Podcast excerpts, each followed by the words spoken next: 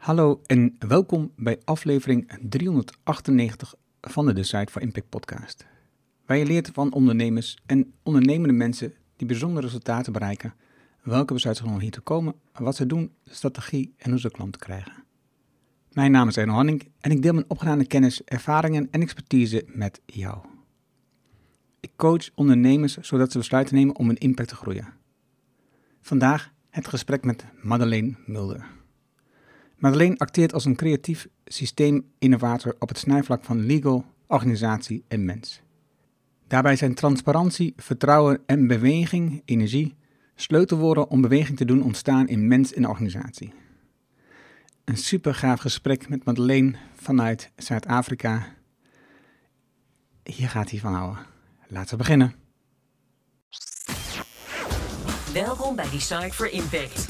De podcast waarin je leert van ondernemers en experts die een positieve, duurzame bijdrage leveren aan mens en omgeving. Met persoonlijke verhalen die je helpen om impactbesluiten te nemen voor jullie bedrijf. Wel nu, jouw business coach, Engel Halling. Welkom in de nieuwe podcastaflevering. Dit keer spreek ik met Madeleine Mulder. Welkom Madeleine. Dankjewel, Arno. Leuk om hier te zijn. Ja, dat vind ik ook. Ik vind dat jij hier bent. en jij zit nu in Zuid-Afrika, komt uit Nederland. Je hebt heel lang ook in Nederland gewoond. En met de voorbereiding zat ik te kijken naar, oké, je hebt een legal achtergrond, hè? Ja. Rechten. Veel gewerkt bij heel veel grote bekende corporate bedrijven. De, de grote bekende in Nederland, lang bij Philips gezeten. En, maar een bepaald moment een switch gemaakt. Hè? Een bepaald moment vanuit die corporate naar eh, zelfstandig gegaan. Vandaar dan toch wel bij corporates blijven werken, maar een bepaald moment een andere switch gemaakt. En je bent met je eigen bedrijf begonnen. Wat was dat kantelpunt voor jou? En dan komen we straks op wat dat nieuwe bedrijf is en zo. En daar komen we nog wat dieper op. Maar wat was dat kantelpunt voor jou? Ja, dat zijn er een aantal geweest. Ik ben eigenlijk um, rechten gaan studeren omdat ik uh, na drie maanden me medische biologie eigenlijk, ja, dat ging gewoon niet. Zat te veel wiskunde in, waar ik helemaal eigenlijk niks mee kon. Dus, um, maar ik wilde heel graag de wereld verbeteren en ik dacht dat dat heel goed zou kunnen via medicijnontwikkeling. Nou, het leven had iets anders voor me in petto, dus ik ben rechten gaan studeren een jaartje als, nou ja, goed, dan zien we wel naar het einde van het jaar.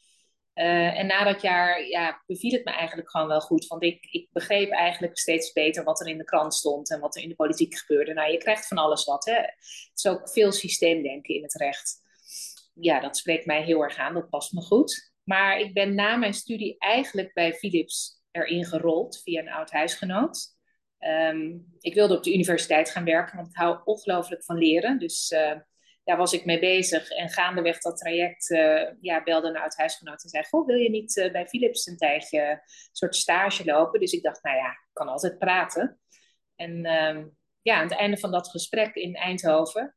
Met de trein vanuit Utrecht naar Eindhoven...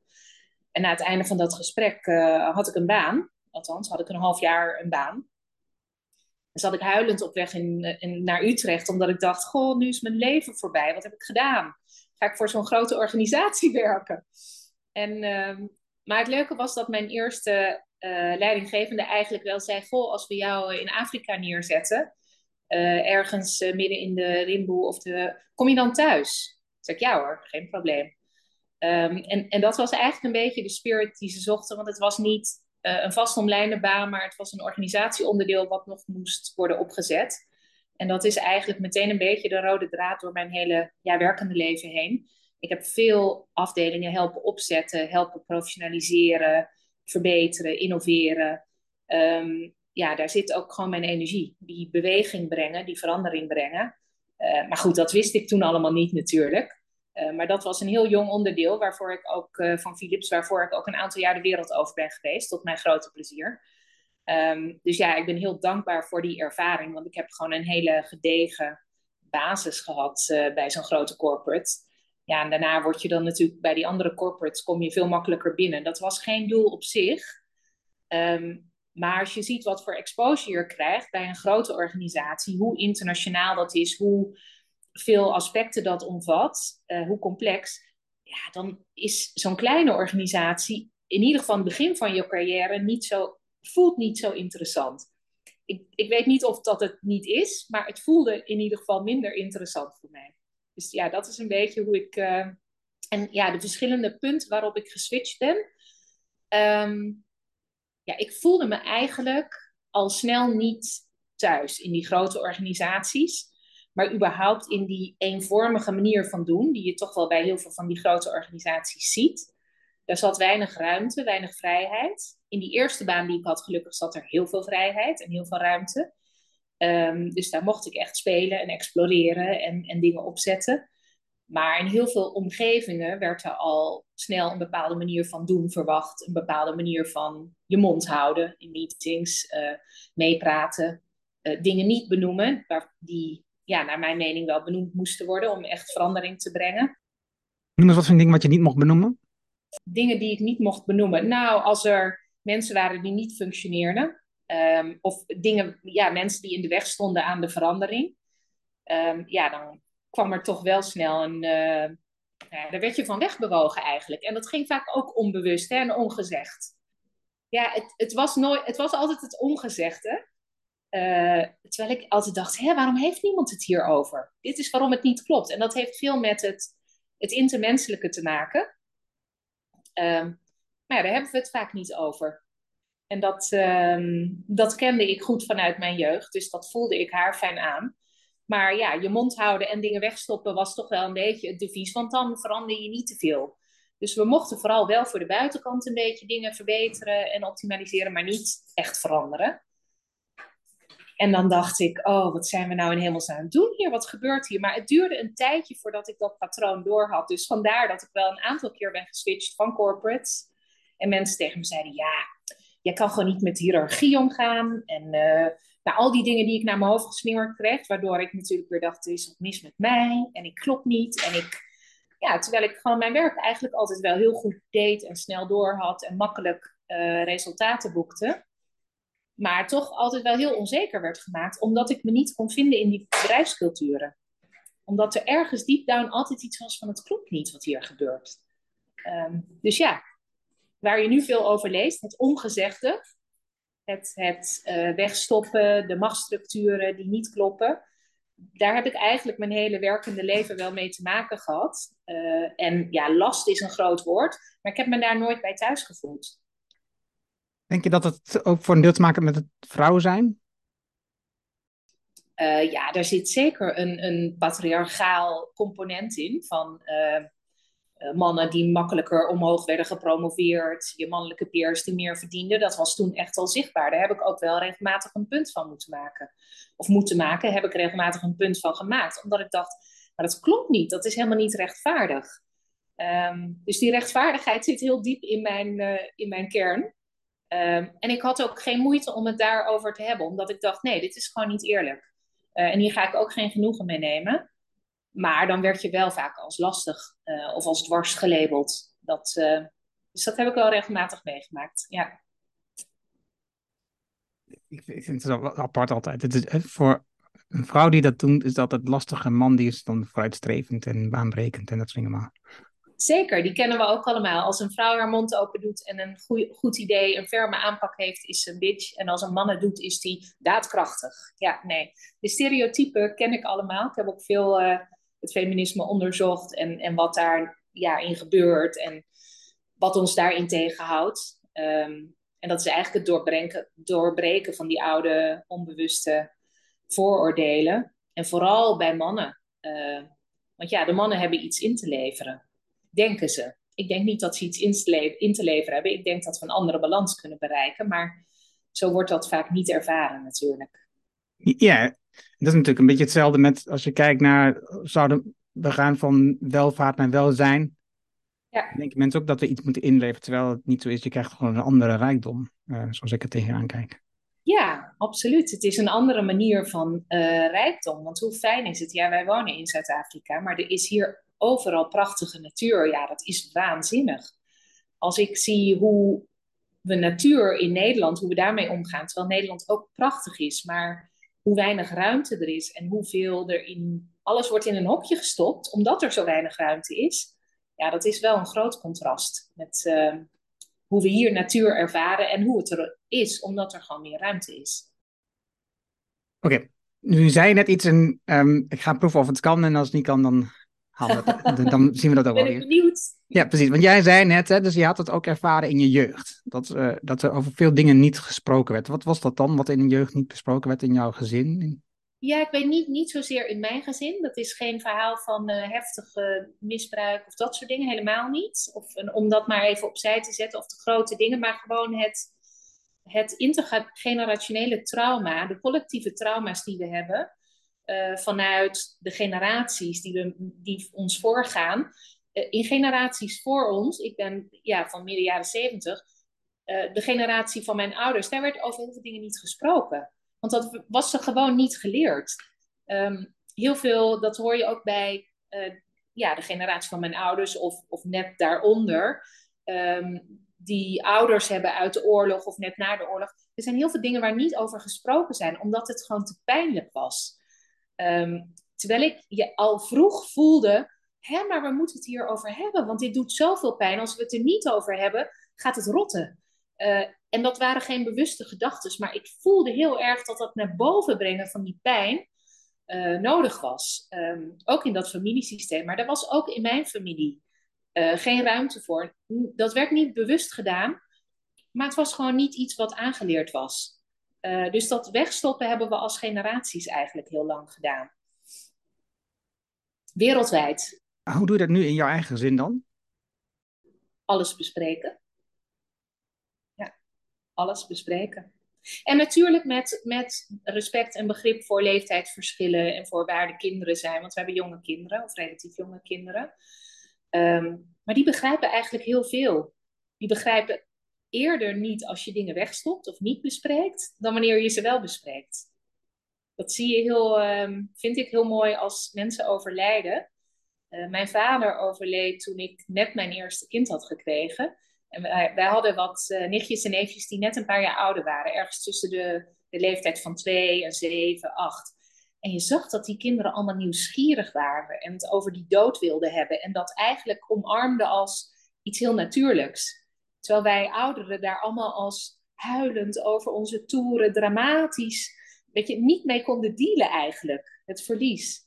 Terwijl die kinderen zo nieuwsgierig waren en zo, hè, maar wat, wat gebeurt hier dan eigenlijk? En hoe werkt dat dan? En hoe, ja, het zo omarmde als van, oh ja, dit hoort er ook bij. Um, en dat heb ik eigenlijk ook altijd gehad. Van, oh ja, die dood, die hoort er ook bij. Uh, het, ik vond het wel een spannend iets als kind, maar ik begreep wel dat het er echt, echt een onderdeel was. Um, zonder het leven geen dood. En andersom, hè? Mijn vader is vorig jaar overleden. En, want hoe, hoe ging jij daar toen mee om dan? Als, want dan was je wel volwassen. Maar hoe, hoe, ging, je, hoe ging jij er dan dat mee om dan? ja, nou, dat, dat was wel heel dubbel, want ik had net een, uh, een kind gekregen. En ik, ik heb wel echt gesmeekt om, om mijn ongeboren kind in te leveren voor mijn vader. Dat kan ik wel eerlijk zeggen, maar dat was voor de geboorte. Als je eenmaal een kind hebt gekregen, dan kan je geen kind meer inleveren. Maar ik vond dat dat idee van verlies was eigenlijk groter dan het verlies zelf. Want ik had ik had alles van mijn vader gekregen wat ik nodig had om in het leven te staan en om te kunnen leven. En mijn vader had me ook echt geleerd, die had de oorlog meegemaakt als klein kind, om ja, die dood ook te omarmen als een onderdeel van het leven. Dat, dat is het meest natuurlijke wat bij het leven hoort. Um, maar wij mensen maken het cognitief iets heel engs en, en ja, daar moeten we tegen vechten. En dat, ja, terwijl ik echt wel heel erg gevoeld heb van, oh ja, het is mooi geweest, het is goed zo. Ja, dat is denk ik ook wel ongeveer hoe ik erin sta. Als ik kijk naar. Mijn vader is 82, wat uiteindelijk zijn laatste jaar heeft hij niet meegemaakt, maar het zijn net voordat hij, eh, de 27 april, um, raakte hij uh, zeg maar met een hersenbloeding, uh, ergens sliep hij. En de 28 was hij jarig, dus uh, nee, dat heeft hij niet echt meegemaakt. En um, het jaar ervoor was mijn moeder overleden, dus het was vrij in een korte periode op elkaar, maar tegelijkertijd ook heel erg ja, natuurlijk, zeg maar. Um, dat is uh, acceptatie bij mij en mijn zus. Mooi. En ja, ik denk dat. Als ik met mijn vader toen ging bijvoorbeeld de as van moeder ophalen. En voor ons beiden was het gewoon as, weet je wel. Het was niet mijn moeder meer, dat was gewoon as, punt. En dus, dus, dus eh, vasthouden aan het verleden was ook niet zo, dat was niet zo'n ding.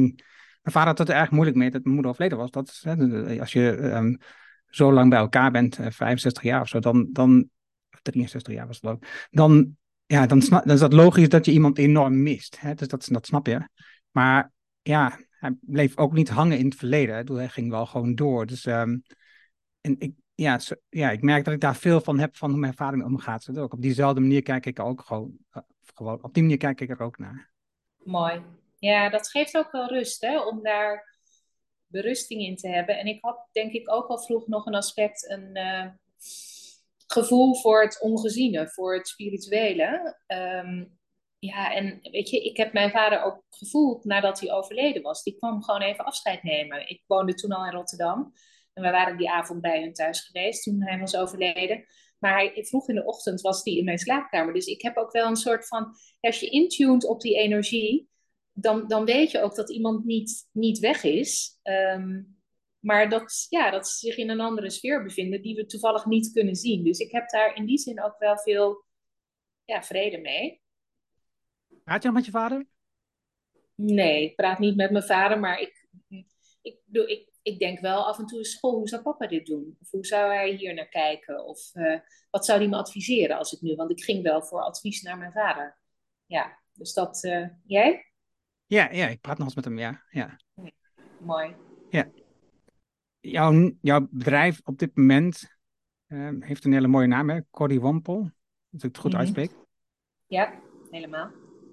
En dat betekent, dus ik heb het opgezocht, hè, to travel in a purposeful manner towards a vague destination. Ja. Waarom heb je die naam gekozen? Ik las dat woord zo'n drie, vier jaar geleden in een artikel. En toen dacht ik, hé, hey, grappig, want ik heb eigenlijk mijn hele werkende leven in, in het Engels gewerkt. En ik, ik dacht, ik ken dat woord niet, wat grappig. Uh, en toen ben ik het op gaan zoeken en toen kwam ik deze definitie tegen. Um, en, en waar jij zegt fake, was het, ik kwam unknown tegen. En eigenlijk was dat, maar goed, dus ongeveer hetzelfde. Eigenlijk was het voor mij een soort van, oh, dus dat is wat ik altijd doe. Dus het was zo'n feest van herkenning van, oh, nu begrijp ik uh, waarom ik nooit een antwoord had en me daar heel dom of onzeker om voelde als mijn collega's zeiden in dat grote bedrijfsleven, maar waar wil je over vijf jaar staan? En dan had ik nooit een antwoord, want ik dacht, ik heb geen idee. Hoe kan je dat nou bedenken? Hoe kan je dat nou weten? Uh, dus ja, ik, ik denk dat ik eigenlijk altijd maar een stap heb gezet omdat die zich aandiende. En omdat ik dan voelde van, wil ik dit doen? Wil ik dit niet doen? Zit daar energie? Maar dat is ook onbewust. Ik kan daar nu woorden aan geven, maar dat kon ik 15 jaar geleden ook niet. Uh, dus ja, het resoneerde gewoon heel erg, dat woord. Uh, en toen dacht ik later, nou, dan noem ik het maar zo. En sommige mensen zeggen wat een rare naam. En sommige mensen zeggen wat een leuke naam. Maar het wekt in ieder geval nieuwsgierigheid op van hè, wat is dat voor woord en wat betekent dat? Ja, het resoneert heel erg met hoe ik leef of hoe ik doe. Ik weet het niet. Ja. Resonantie, het is een mooie term. Hè? Dat, um, ja. komt veel, ook, ik zie het in een paar boeken die ik afgelopen heb gelezen, komt het ook terug. Het leven in tijden van versnelling van uh, Hartmut Rosa. Hartmut Rosa. Die heeft, het ook, heel, die heeft ook heel veel over resonantie. Ja. En dat is, ja, dat is natuurlijk mooi, dat je je leven zo kunt invullen, dat je kijkt naar wat resoneert er in het moment voor je. Ja. Is dat, en dat lijkt voor jou nu achteraf gezien redelijk vanzelfsprekend, hè? En tegelijkertijd zie je dat het voor heel, heel veel mensen heel ingewikkeld is. Mm -hmm. Wat, Maakt het voor jou nu achteraf makkelijker om in resonantie te leven? Hmm. Nou, laat ik zeggen dat ik dat denk ik echt niet altijd gedaan heb, maar dat ik nu achteraf wel kan zeggen wanneer ik dat niet gedaan heb en dat het niet klopte ook. En dat ik wel voelde dat het niet klopte op dat moment. Maar dat ik mezelf. Ik, ik heb heel erg mijn best gedaan, waar ik eerder aan refereerde, om in het malletje te passen. Um, om te doen wat, wat van meisjes die gestudeerd hebben verwacht wordt. Een goede baan, promotie, de volgende goede baan, een nog grotere baan, uh, een leuke partner, een mooi huis, uh, leuke, welopgevoede kindertjes die lekker in stramien meelopen. Ehm, ja, en, en ik merkte eigenlijk gaandeweg steeds vaker dat ik dacht, hè, wat zijn we nou eigenlijk aan het doen? Ehm, niet omdat ik al die dingen verkeerd vond, maar omdat ik dacht, poeh, dat kost toch wel heel veel energie. En word ik er echt blij van? Uh, en deels was dat zo, want wij, ja, wij woonden heel lang samen in Rotterdam met uh, ja, ons gezin. En, en we hadden het allemaal heel leuk, leuke vrienden, kennissenkring. Uh, allemaal, we hockeyden allemaal en we hadden, het, we hadden het gewoon heel erg naar ons zin. Maar toen corona kwam, toen die hele pandemie kwam, toen kwam er toch wel zo'n omslagpunt. Qua, ja, dat je zag, de schellen vielen mij van mijn oog van, wat gebeurt hier nou eigenlijk? Dat die collectieve ja, dat slaapwandelen waar veel mensen in, in bleven, um, dacht ik echt, hé, maar dit is toch een tijd om wakker te worden. Ik dacht echt toen die pandemie hitte, dacht ik, oh, fijn, nu gaat de wereld veranderen. Nu wordt het mooier, nu wordt het beter. Maar goed, ik had na een paar dagen al wel door, als ik dat tegen mensen zei, dat ik beter mijn mond kon houden, want mensen waren allemaal bang.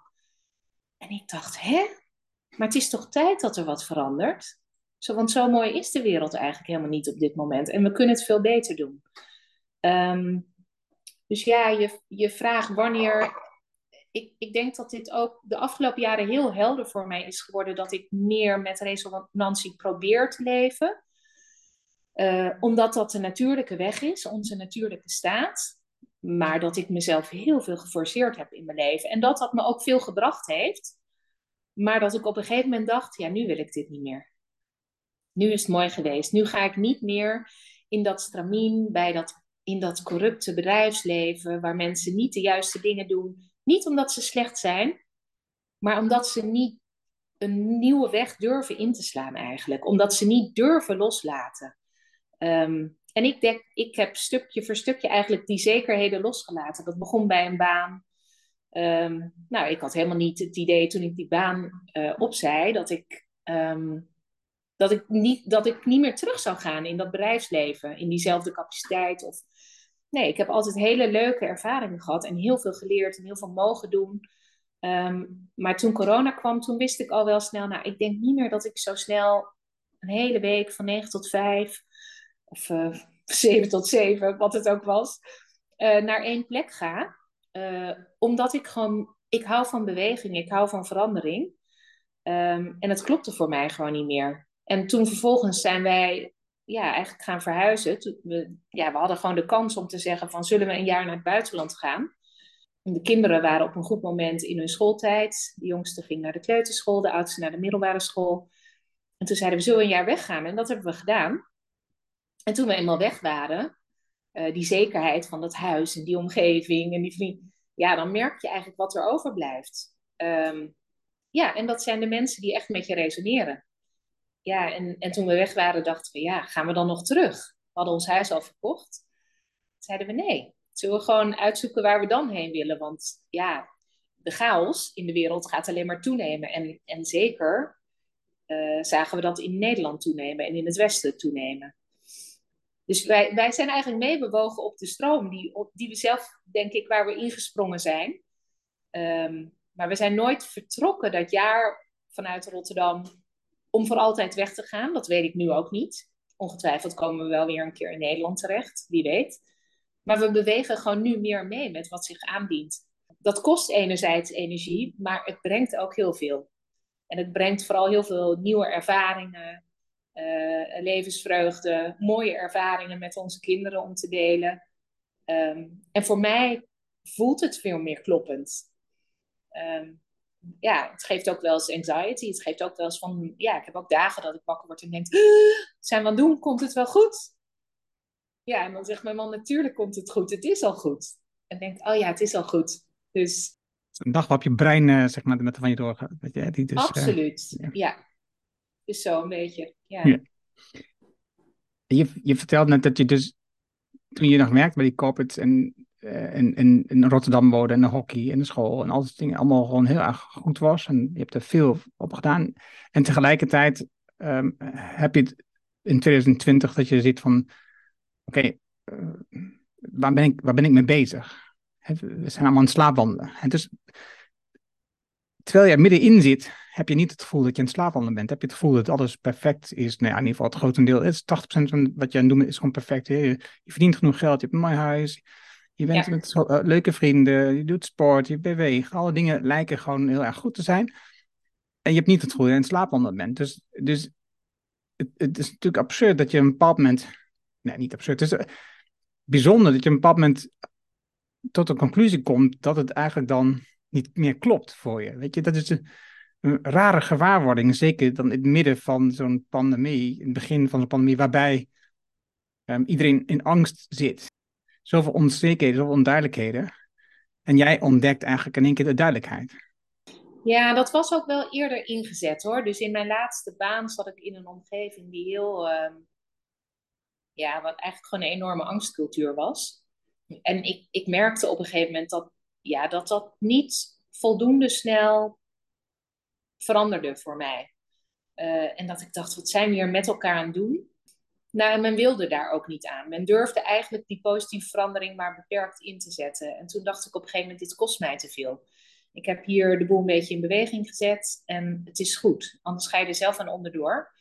Want meestal in een groot systeem, als je degene bent die een beetje beweging of verandering komt brengen, wordt dat niet uh, altijd gewaardeerd. Dus ik dacht, oké, okay, shoot the messenger is wel duidelijk. Ik trek mezelf hier uit, uh, want ik zag heel helder wat er gebeurde. Um, en ik zal zeker niet zeggen dat alles wat ik deed of gedaan heb, dat het allemaal fantastisch was. Maar ik zag wel heel helder het systeem waar ik in zat, wat mijn rol was en dat het goed was geweest. Dus ik, dat van, ja, dat systeem, dat klopt eigenlijk helemaal niet. Dat had ik al. Maar toen het met COVID nog groter werd, dacht ik, oh, het is nog veel groter dan ik dacht. Uh, het is eigenlijk wereldwijd gaande. We hebben eigenlijk een heel systeem wereldwijd van politiek, bedrijfsleven en manieren van werken en doen gecreëerd die niet kloppen, die niet natuurlijk zijn. En dat is denk ik het, het cruciale woord. Ze zijn niet natuurlijk, want ze zijn op, alleen maar op controle gericht en op hiërarchie.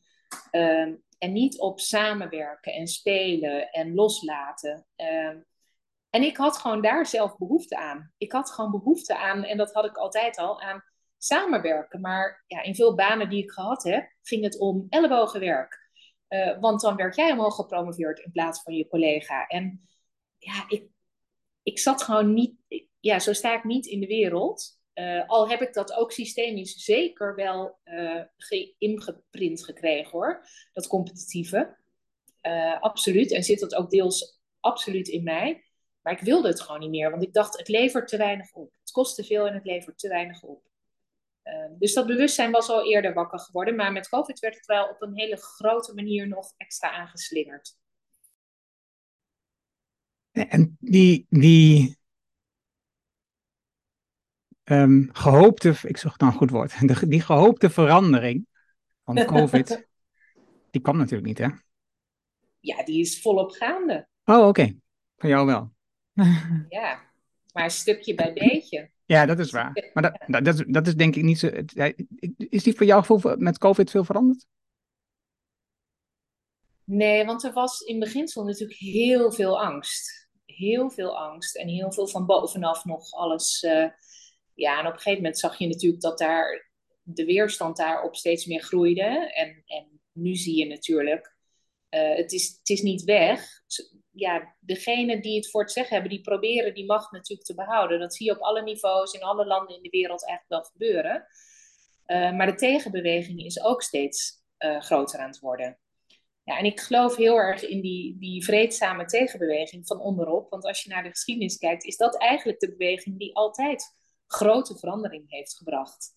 Uh, ja, uh, niet, niet alleen maar vreedzaam, maar grotendeels is dat wel een, heeft dat een grote aanzuigende kracht.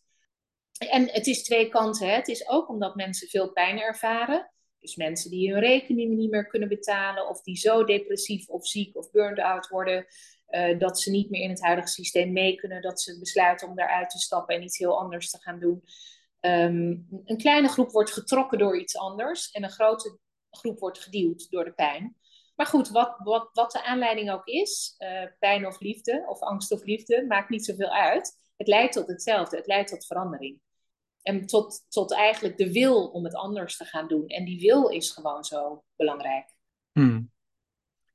ik kan me voorstellen dat het ook op dit moment een vrij interessante tijd is voor jou. Je, je hebt in, jou, in de Optimist al wel wat geschreven over recht van de toekomst, hè, dus uh, hoe het gaat veranderen. Nou, nu zie je op dit moment is er best wel veel gaan op dat vlak. Hè. Rechtszaak van, tegen de KLM en de Shell en uh, noem maar op. Dat is dus veel rechtszaken tegen grote eh, organisaties en bedrijven en tegen de overheid. Hoe, hoe, zie jij dat als iemand die recht heeft gestudeerd? Hoe zie je, wat, wat voor verandering zie je daar? Wat, wat verwacht je? Die rechtszaken worden voor mij, in mijn beleving, en zo omschrijf ik het ook in dat artikel, ingegeven door een veranderende moraal in de samenleving. Um, de bewustwording dat het anders moet, uh, dat we met elkaar een zorgplicht hebben, die is aan het groeien. Um, ik, ik, voelde die mijn hele leven al. Daarom klopte er voor mij systemisch heel veel niet. Uh, uh, daarom ben ik ook, toen ik studeerde, ben ik hier in Zuid-Afrika gaan studeren een half jaar om, omdat ik met mijn hoofd, maar ook met mijn hart er gewoon niet bij kon wat hier gebeurd is. Uh, en ook de Tweede Wereldoorlog is, is in mijn, mijn zijn iets wat daar. Ja, hoe is het in hemelsnaam mogelijk? Ik heb daar gewoon zowel gevoelsmatig als verstandelijk nooit bij gekund. Dus ik wilde dat ervaren. Kijken, wat doet dat met mensen en hoe leeft dat in mensen? En het zit inderdaad in mensen. Um, nou ja, dat weet je ook. Het grote systemische waar we in opgroeien, ja, dat gaat ook onderdeel van je uitmaken. Um, dus ik, ik ben heel blij met die verandering. Ik vind het heel pijnlijk dat er rechtszaken voor nodig zijn. Want voor mij is een rechtszaak het ultieme middel. Je kan vrijwillig veranderen. Ja, of, of je krijgt met de stok te maken, de stick en de carrot. Um, de carrot is er namelijk ook. Als je verandert nu als organisatie en richting het zorgzame, het zorg voor het geheel gaat bewegen, dan heb je een voorsprong dan mag je meedoen aan de verandering. Dan mag je die verandering inzetten en leiden. En dan, dan komen de werknemers als vanzelf naar je toe. Dus ik, ik vind het zo onlogisch wat er gaande is. Maar ik spreek vanuit een ander bewustzijn. Vanuit ik overzie dat en ik voel dat heel diep. Dus toen ik dit artikel twee, twee jaar geleden schreef, vonden mensen het ja, leuk, mooi, mooi geschreven. En, maar ze vonden het wel een beetje far out. Een beetje, ja, right. En nu gebeurt het volop. En dan denk ik, ja, ik heb dat niet geschreven. En dit is niet om te zeggen, zie je wel? Nee, ik heb dat artikel geschreven omdat het echt, het kwam door mij heen. Ik heb daar heel veel voor gelezen, heel veel dingen. Ja, ik leg puzzeltjes, zo zie ik het maar. Maar de artikelen die ik schrijf zijn puzzeltjes. Ik lees heel veel, ik luister veel. En de puzzelstukjes komen samen. En dat samenkomen, dat komt door me heen. En dat hoor je veel schrijvers, kunstenaars zeggen. En dat is echt zo. Want ik kan later niet meer terughalen hoe die puzzelstukjes, hoe die in elkaar geweven heb. Dat gebeurt. Wonderbaarlijk proces. Uh, maar ik wist wel ten diepste dat dit is wat zou gaan gebeuren. Ja, en het gebeurt ook. Uh, dus dat is een dieper weten vanuit, nou ja, wat ik eerder ook al noemde, dat, dat bewustzijn voor een andere energie, voor andere dingen die er ook zijn en die ook mogelijk zijn. Dus ik, ja, ik heb zelf behoefte aan iets anders aan een andere samenleving, aan een andere wereld. En ik laat me daar ook door leiden. Uh, omdat ik geloof dat die pool, die is voor mij in ieder geval aantrekkelijker dan de stick, dan de push. Um, dus ik kijk liever waar wil ik naartoe en hoe, wat moet ik daar dan voor doen, dan nou, totdat iemand me dwingt of totdat ik zoveel pijn heb dat ik wel moet veranderen. En dat laatste is ook wel eens gebeurd, hè? absoluut. In banen waar het echt niet meer houdbaar was en ik dan uiteindelijk hup, ja, dan moet je toch gaan met veel pijn en moeite. Of dan word je eruit gezwieberd, om wat voor reden dan ook. Ja, is ook allemaal gebeurd. Dus ik heb ook uh, dat meerdere malen uh, mogen leren in mijn leven. Die momenten van verandering, ja, dan wel door mezelf ingegeven, dan wel een handje geholpen door de omgeving ook iets waar ik natuurlijk mee bezig ben, dat is niet gek dat ik de site voor impact en mensen zoals jij, met mensen zoals jij spreken. Voor mij betekent leren vooral mensen zoals jij spreken en dat naar voren brengen. Dat, dat, dat is hoe ik het organiseer. Hè? Dus, dus um, voelen wat Mooi. is er gaande en dan um, die mensen laten vertellen. En dat is hoe ik het, dat is hoe het ja. voor mij werkt. Ik weet het niet waarom. Ja, ik vind het prachtig we, we, kunnen daar echt meer van gebruiken. Ik ben heel dankbaar dat je dit doet en alle mensen die dit net zoals jij doen. Want het is zo ongelooflijk nodig dat we elkaar podia gaan geven. In plaats van, van je, weet je, je ziet hele, heel grote namen, professors, wetenschappers, wat, nou ja, mensen die boeken hebben geschreven. En ik volg af en toe online cursussen bij van die global, dan van die thought leaders Maar eigenlijk roepen ze stuk voor stuk: My way is the highway.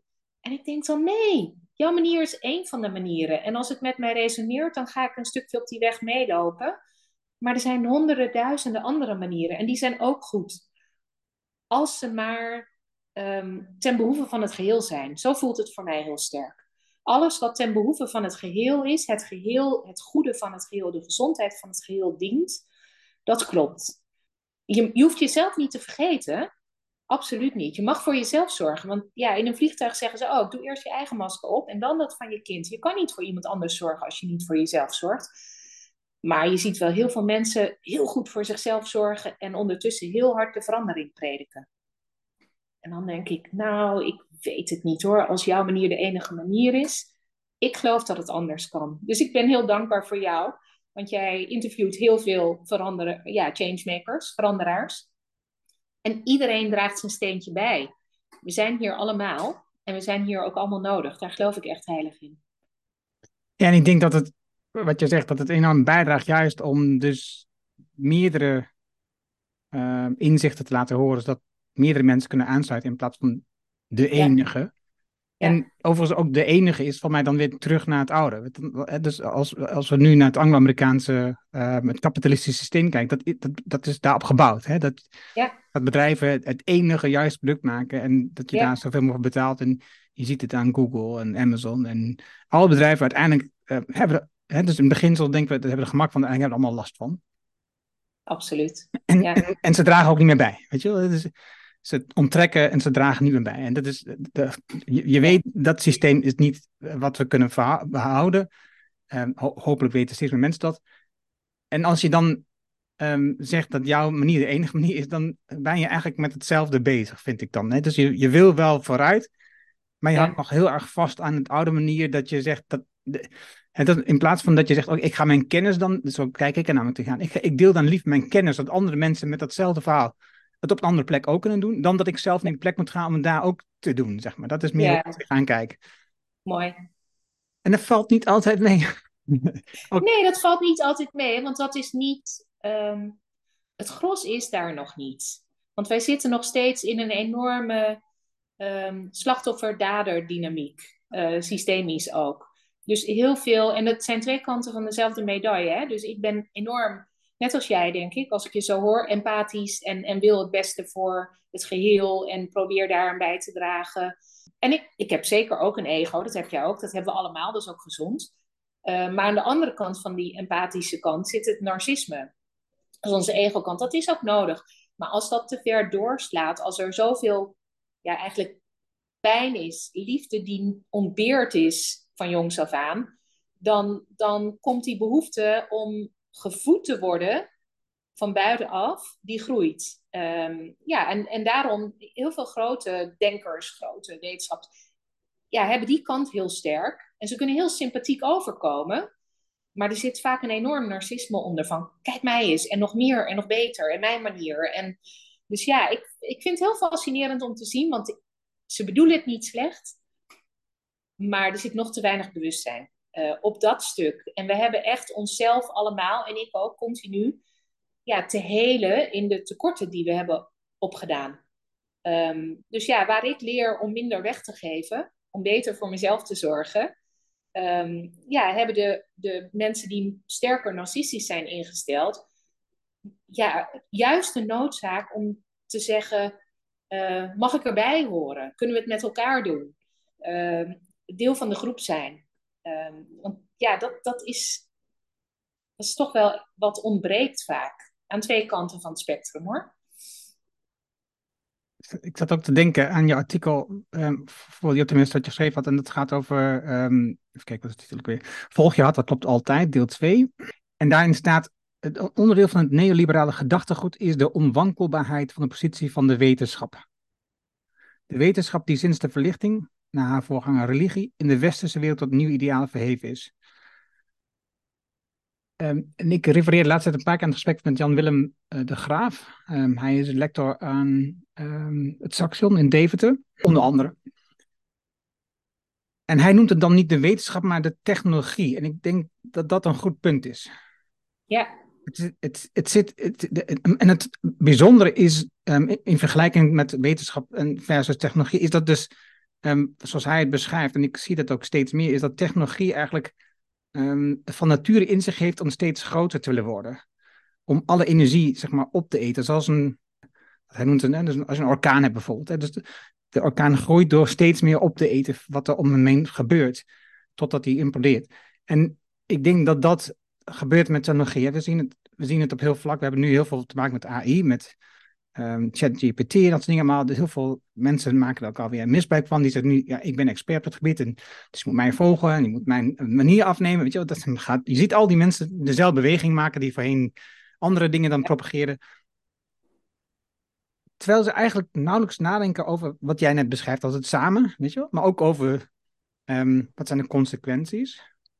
Ja. En niet, niet eens de risico's, maar de consequenties van als het eenmaal diep in ons systeem zit. Wat is de consequentie voor um, het samen, de liefde voor de mens en de liefde voor de ander, uh, um, de liefde voor vakmanschap, om het wat te noemen.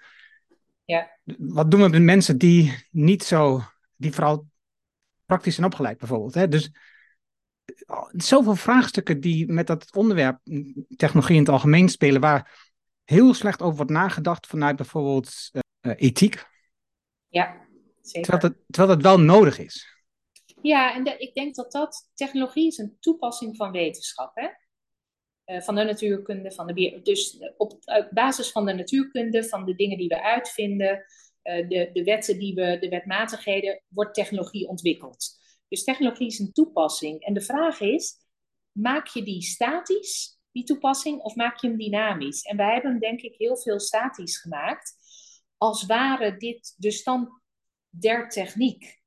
Um, al, waren dit, als, al waren wetenschap vaststaand. En wetenschap is niet iets vaststaands. Wetenschap is de eeuwigdurende zoektocht naar hoe werkt het. En als je kijkt naar hoe het leven werkt, je hoeft maar naar de natuur te kijken, naar de seizoenen, maar ook in het klein, naar plantjes in je tuin. Dat beweegt elke dag, elk moment. Um, maar dat zijn we eigenlijk een beetje vergeten, want we vinden het zo prettig om die houvast te hebben, om die controle te hebben, dat we hebben gezegd, dit zijn de wetten, dit zijn de natuurwetten. Maar ja, toen kwamen we er op een gegeven moment achter dat het niet, ja, dat de natuurkunde misschien niet die wetmatigheden zijn die we dachten, ESMC kwadraat, maar dat er zoiets is als kwantum. Uh, en dat, dus, weet je, dat, dat blijven zoeken, dat blijven bewegen, dat zit diep sterk in mij. Dus ik voel dat sterk. Maar het is ook de natuurlijke manier. En het zit diep in ons allemaal. Waar ja, heel veel van ons zijn geprogrammeerd in een systeem, vanaf die verlichting, uh, om daar houvast in te zoeken. In die wetmatigheden. Als waren ze statisch. Maar dat zijn ze niet. Um, en we hebben al het andere, wat voorheen door religie beleden werd, en dat werd op een gegeven moment te dogmatisch. Maar er was niet alleen religie in de zin van de kerk, er waren natuurlijk ook andere.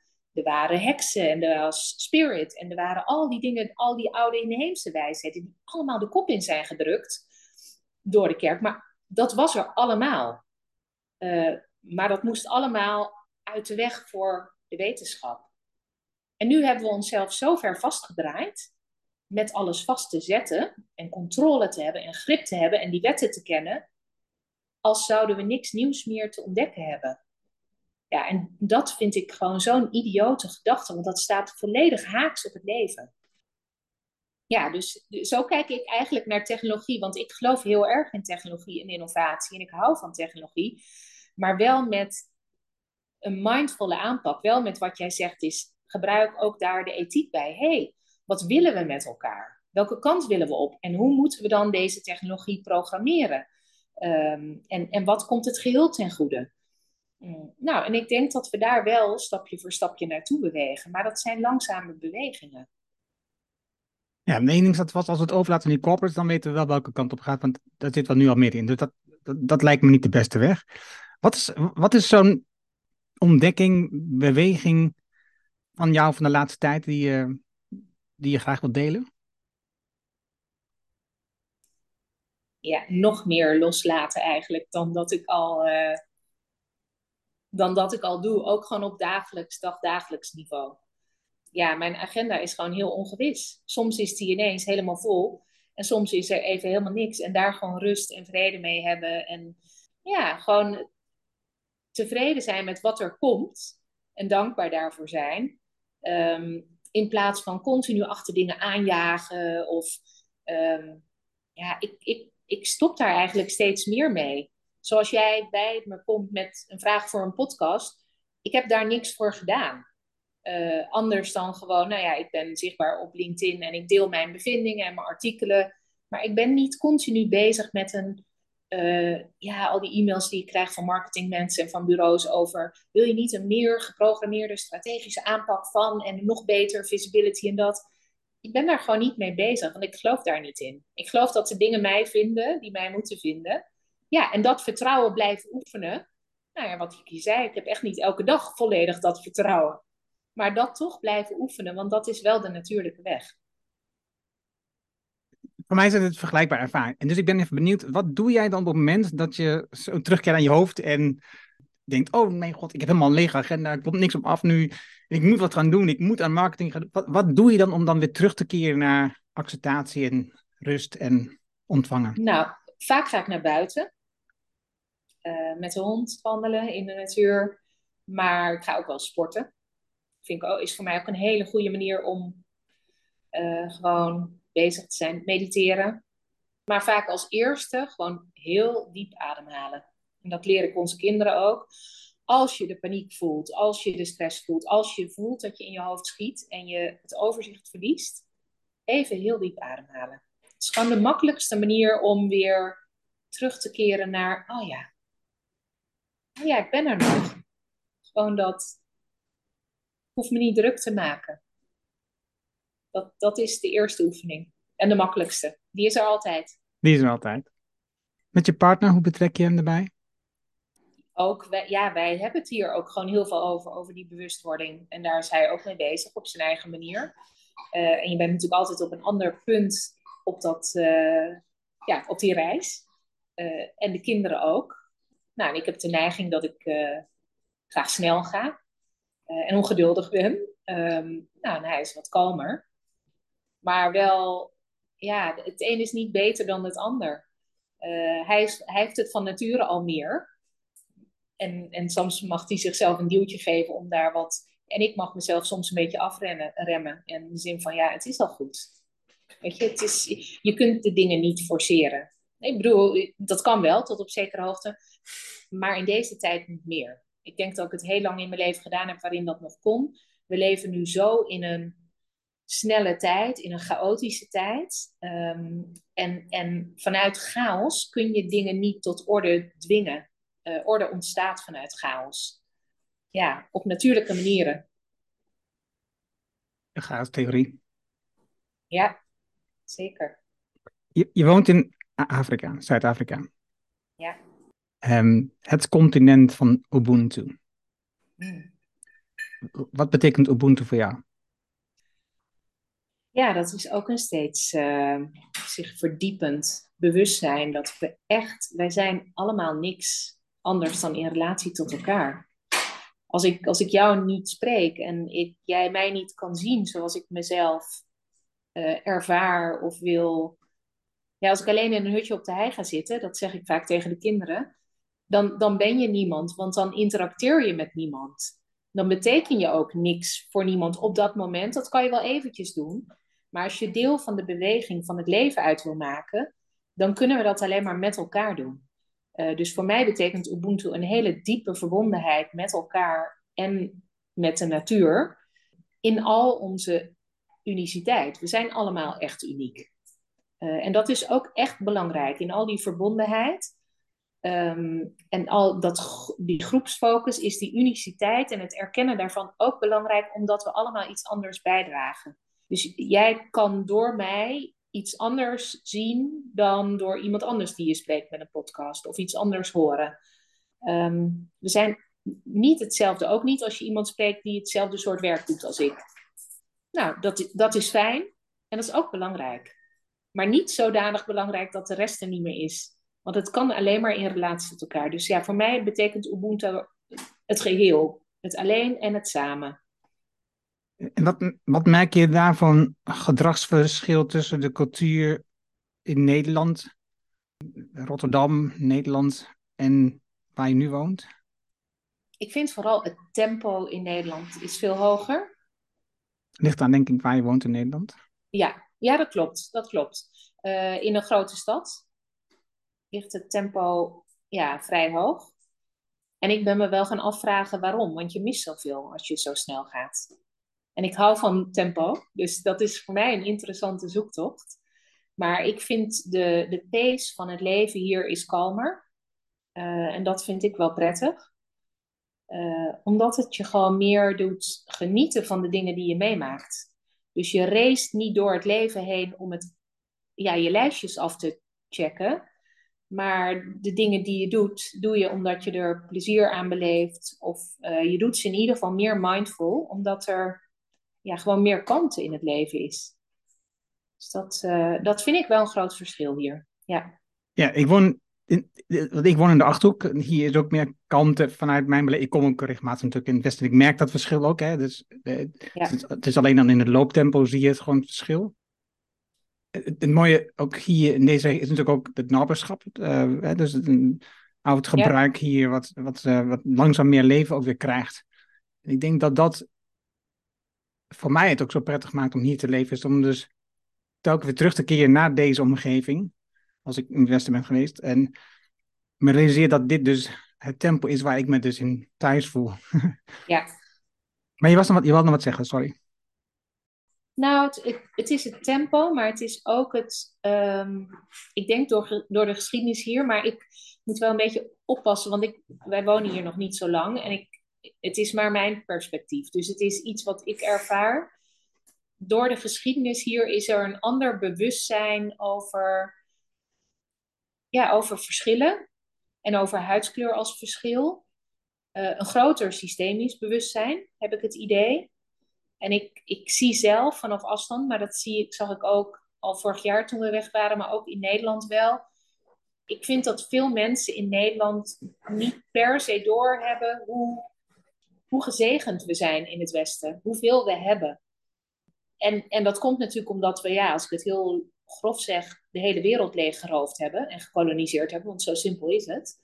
Uh, dat willen veel mensen niet horen, dus dit zal aanstootgevend voor sommigen zijn.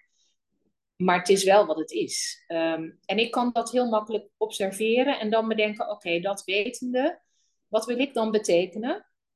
Nou ja, en in die zoektocht zit ik ook van: goh, wat wil ik hier lokaal betekenen? Wat kan ik doen? Want ja, ik kan het systeem ook niet in mijn eentje veranderen, maar ik kan wel door wie ik ben en wat ik doe in mijn dagelijks leven bijdragen uh, daaraan. En ik denk dat daar in Nederland is die zorgzaamheid. Ik denk, ik denk dat je ook op moet passen wat je zegt in Nederland. Want wat jij zegt, er zijn heel veel verschillende plekken in Nederland. En op sommige plekken is die zorgzaamheid nog allemaal aanwezig. Maar in het, in het westerse deel zie je dat maar beperkt. In de grote steden. In de, en ik, ja, ik vind dat wel een. Uh, ik denk dat dat gevaarlijk is. Ik denk dat we het vooral met elkaar te doen hebben.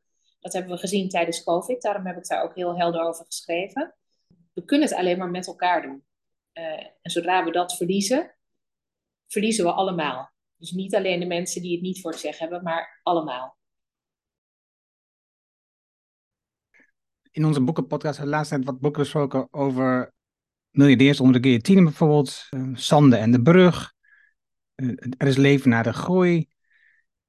Waarbij je duidelijk ziet dat ze aan de ene kant het kapitalisme um, veroordelen. Met de geschiedenis die net schetste, die erbij hoort.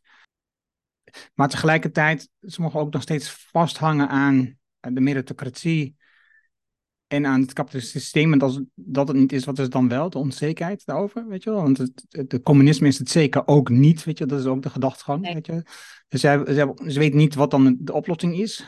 En, en dus dat maakt het heel onduidelijk en onzeker en dus lastig. Um, maar dat er vaak een component in zit van terug naar kleinere gemeenschappen, naar coöperaties, naar ja. Zorg voor elkaar. Dat, is, dat, dat, zie je wel, tenminste, ik zie dat dus vaker terugkomen. Ja, en, zeker. Uh, ook in het boek van Sander Schimmelpenning zie je bijvoorbeeld, hè, dus een, een sociale um, dienst die je, tijd die je dan in, als je 18 bent uh, kunt uh, doen, leveren. Nou, ik denk dat dat bijvoorbeeld heel waardevol is om uit je eigen bubbel te komen en ontdekken wat er nog meer in de wereld gaande is. En dat je wat andere dingen ziet dan de bekende omgeving van je, of die nou zwart, wit of wat dan ook, het maakt allemaal niet uit. Dus ik denk dat dat mooie elementen zijn om na te denken, oké, hoe zou ik dat dan voor mezelf kunnen doen? Wat betekent voor jou de inner development, de inner development goals? Voor mij zijn het tools, want ik, ik denk dat het een mooi lijstje is met manieren van, ja, is het zijn? Ik denk, ik zie het als manieren van zijn. Uh, waarden die je kunt omarmen, dingen die je in jezelf kunt ontwikkelen. Ehm, dus het heeft te, te, maken voor mij met bewustwording en met oefening. Want ja, als je heel competitief bent opgevoed of in een heel competitief systeem, ja, dan is samenwerking niet de natuurlijke neiging. Dus het heeft ook met vooral ontleren te maken. Uh, en dat geldt met name voor um, ja, de oudere generaties. Uh, want ik zie in de generatie van mijn kinderen, en dat varieert van begin middelbare school tot eind kleuterschool. Ja, die hebben eigenlijk een enorme voorsprong, want ze hoeven niet zoveel te ontleren. Maar steeds meer naarmate dat oude systeem steeds meer in ze gepompt wordt. Uh, ja, dat zie ik wel in Nederland, in westerse landen. Uh, dat hele oude systeem nog steeds uh, kennis in hoofden pompen, zoveel mogelijk testen en toetsen op eenvormige ja, parameters. Ja, ik, ik geloof daar niet in. Dus ik, ik denk dat wij als genera oudere generaties heel veel te ontleren hebben. En daar geven de IDG's mooie uh, tools voor. En voor de kinderen geeft het houvast. Uh, onze kinderen zitten hier in Afrika op de Queen School. Ja, dat is uh, nou ja, een, een soort dependance of een zusjeschool van de school die in Bali is. En in Nieuw-Zeeland heb je er een. Maar die zijn veel meer met sustainability en de natuur bezig. Uh, in Nederland ontstaan ook wel steeds meer van dit soort concepten. En ik denk dat het uh, de vrije scholen, het Rudolf Steiner gedachtegoed, het Montessori, dat dat allemaal niet zo ver ervan afstaat. Um, maar zolang die, um, en dat zie je ook hier, in die huidige mallen van educatie, ministeries van educatie vallen, uh, en in, in eenvormige manieren van toetsen, ja, komt er niet echt ruimte voor verandering. Maar al deze scholen, al dat gedachtegoed probeert wel iets anders, uh, op iets anders de nadruk te leggen dan performance. Um, je, moet X, Y, Z kunnen. Uh, nee, onze kinderen worden hier echt ook op hele andere dingen gechallenged. Uh, en dat, dat heeft veel ook met die IDG's te maken, met die Inner Development Goals. kun je goed samenwerken? Heb je respect voor je omgeving? Uh, ben je zorgzaam naar je levende omgeving, naar je klasgenoten en hoe uitzicht dat? Um, dus ja, er zijn. Het begint voor mij heel erg met, um, met scholing, met educatie. Dus ja, ik, ik zou ieder die in een oudere generatie dan, uh, dan lagere middelbare school of studerend aanmoedigen om te gaan ontleren. Om allerlei cursussen, trainingen uh, op bewustwording, op systeemdenken op. Ik weet het, kan van alles zijn. Maar zet jezelf weer aan, want je, op die manier groei je ook weer en leer je ook dingen af. Ja. Ja, ik gebruik daar deze gesprekken altijd eigenlijk vooral voor. Gesprek met mensen, gesprek met mensen die op een bepaalde gedachtegoed, ehm, ervaring, expertise hebben en daarvan leren. Ja. Uh, en dat, en dat, dat kost al genoeg om nog ook weer een studie te beginnen. Want ik herken de behoefte aan een studie, voor duidelijkheid. Alleen, hey, je hebt maar een beperkte tijd, dus je moet ergens het allemaal vandaan halen. Want ik zag jouw lijst van van studie. Ik dacht, wow, je hebt wel wat gedaan. ik, wil altijd weer wat nieuws doen. Dat is ook de, de avonturier in mij. Uh, ik heb een grote honger naar, naar kennis en naar ja, een groot, een breed interesseveld. Dus, en ik vind dat het zijn voor mij allemaal puzzelstukjes. Dus het is geen, ja, uh, ik duw mezelf daar niet in. Het ontstaat. Ja, dus, eh, nee, nee, ik snap dat. Ik snap dat. Oké, okay, je had op je website, en ik wil even nog zo die kant op, uh, wat je nu doet een paar vragen staan. Hè? Dus um, bijvoorbeeld, what do you want your world to look like? Who do you want to be? What, hoe, hoe wil jij dat de wereld eruit ziet? Groen, gezond, liefdevol, uh, samenwerkend. Dat er een plek is voor alles. Dat wij niet ja, meer mensen hoeven te labelen als die uh, is neurodivers, die heeft ADHD, uh, eh, die is dit of dat. Um, nee, wij zijn eigenlijk allemaal oneindig potentieel. En ik denk, als je de ruimte krijgt om dat te ontdekken, hey, welke potentie leeft er in mij? Wie wil ik zijn? Uh, en, en mag ik kiezen en, en krijg ik de tools om dat te ontwikkelen uh, vanuit mijn omgeving aangereikt. Vanuit ouders, vanuit school, vanuit uh, nou ja, de, de sociale omgeving. Ja, dan, dan geeft dat heel veel meer vrijheid dan het uh, strakke systeem wat we nu ontworpen hebben. Dus ja, ik, ik zou wel meer spelen willen zien en meer ontdekken in onze wereld. Wat doe jij vooral voor klanten? Nou, ook legal werk. Uh, maar ontdekken om, om, of leren om samen te ontdekken. Om via vragen, via conversaties, via het, uh, goh, wat willen we met elkaar? Ik heb eigenlijk altijd als jurist al de vraag gesteld als ik ja, onderhandelingen begeleide of een contract moest opstellen voor partijen. Dan zei ik, waarom zitten jullie hier samen aan tafel? Wat brengt ieder van jullie hier? En welke kennis en expertise? En waarom klopt dit? Waarom doe je het met Jantje niet met Pietje? Nou, als je die dingen kunt doordenken, dan ben je veel bewuster uh, een samenwerking aan het opzetten. En niet zozeer bewuster alleen maar op papier, want het papier is het sluitstuk. Maar bewuster als in, hé, hey, waarom doen we dit eigenlijk samen? Ja, en daar is ook een term tegenwoordig voor, conscious contracting. Het is uit Amerika overgewaaid, al, al vele jaren terug. Maar dat begint ook te groeien in Nederland. Daar wordt ook onderzoek naar gedaan.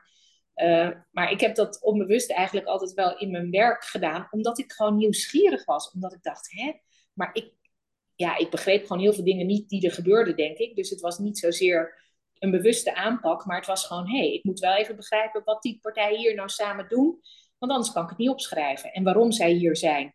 Um, en ik wilde wel altijd voelen, die behoefte had ik wel van, klopt dit? Kloppen deze mensen samen? Gaat daar wat moois uitkomen? Waarom? Ik heb geen idee. Ik denk, ik denk dat dat gewoon de. Ik, ik geloof in, in de liefde. En, en als een, samenwerking klopt, dan is die liefde er. En dan is de kans van slagen groter. Ja, een paar dingen hierop, hè? Het eerste gevoel wat ik heb, oké, legal. Dat is vooral structuur, regels, vasthouden aan dingen. Nog niet reageren, wacht even hoor. Het tweede, um, jij hebt het dan over, oké, we zitten hier dan eh, als twee partijen. Um, en dan mag je even overdenken of het klopt, weet je wel. En als laatste zeg jij, en dan voel ik of of het klopt. Hoe ingewikkeld is het om, of hoe makkelijk, voor duidelijkheid. Nu klinkt als een waarheid, maar dat is niet wat ik bedoel. Maar hoe, hoe, hoe is het om de liefde, dat gevoel, in te brengen in dat soort situaties?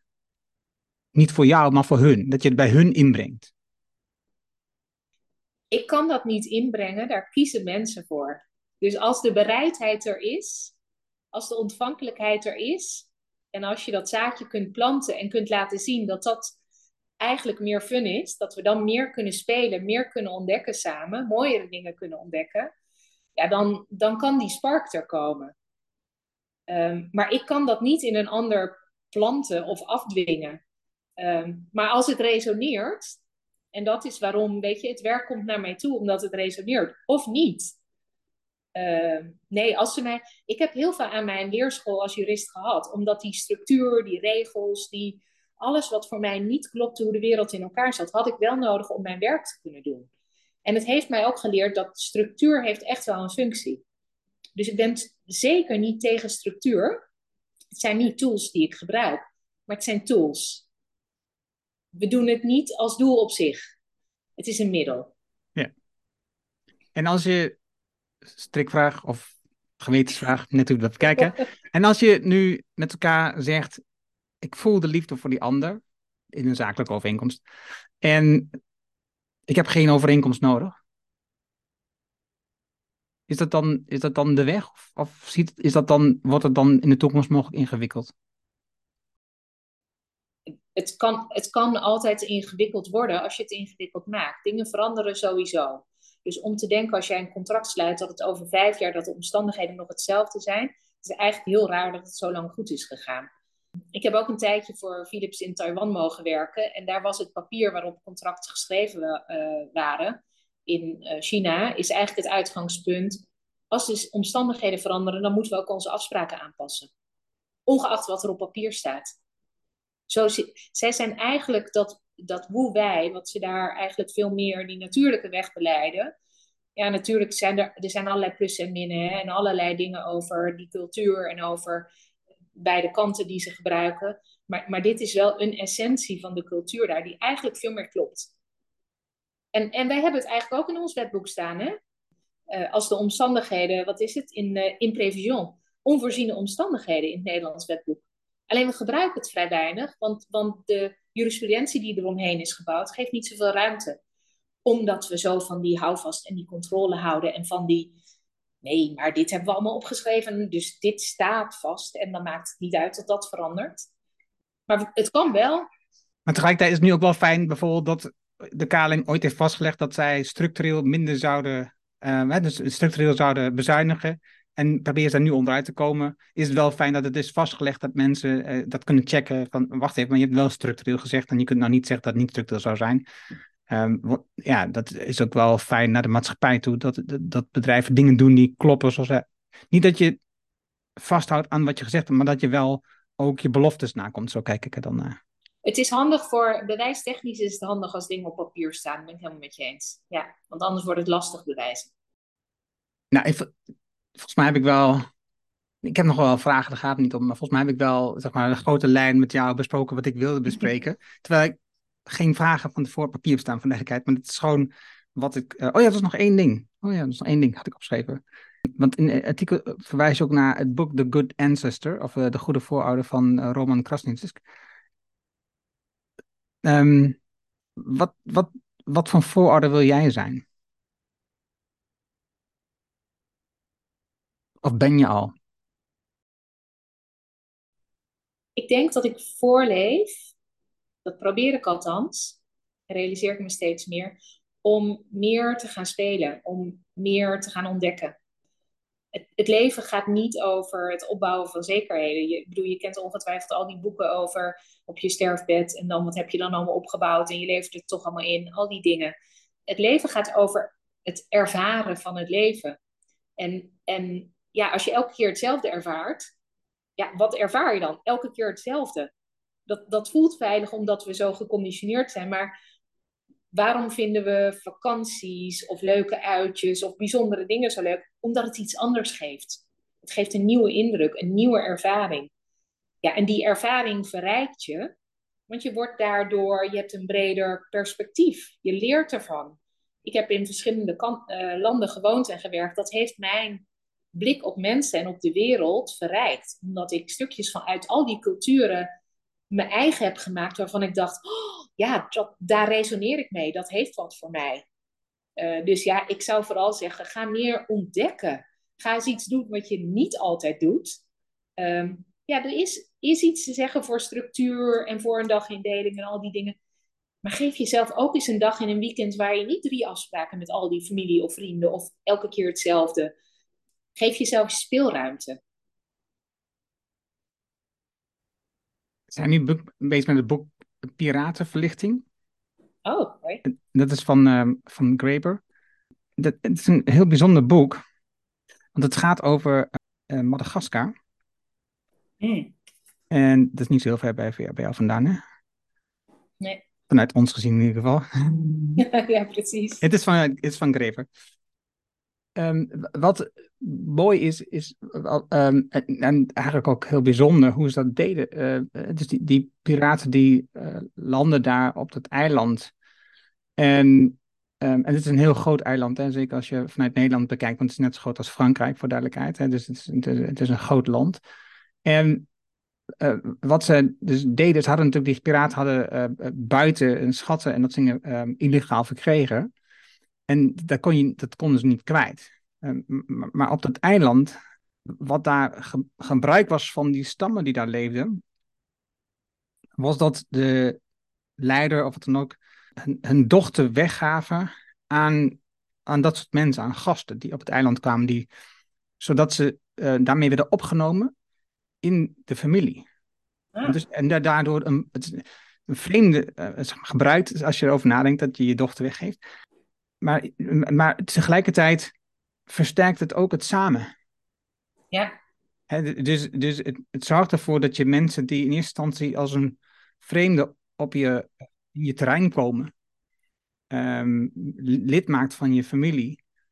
En daarmee ook um, voorkomt dat er um, uh, onrust uitbreekt of oorlog uitbreekt of wat dan ook. Want ze, ze, ze, ze worden deel van je gebruiken, van je gewoontes. En voor die piraten was het, was het fijn, want zij konden dus die schatten ook overdragen aan die families. Want ja, ze konden het eigenlijk toch niet kwijt. En daarmee konden ze een deel van hun bezit aan, aan die vrouwen kwijt. En, en nee, dus, het is een heel bijzonder verhaal. Maar, het, en dus eigenlijk, maar waarschijnlijk ook een deel van, omdat zij dus een hele bijzondere manier van uh, burger, of het, uh, democratie hadden. Um, is het waarschijnlijk een onderdeel van hoe de verlichting in Europa is ontstaan. Uh, dus, ja, dus dat is een. Ja, dus Graeber was natuurlijk vanuit het begin van alles boek uh, ook mee bezig. En, dat, en dat zie je ook in dit boek weer terugkomen. Ik moet echt, ik moest heel erg wennen aan het verhaal, maar nu snap ik ook steeds meer. Oh ja, oh ja oké, oké, oké, zo komt dat. En toch wel een slim principe om daar zo mee om te gaan. Heel slim, ja. Delen. Het zijn, ja, het zijn allemaal puzzelstukjes, hè? al die boeken en al die inzichten.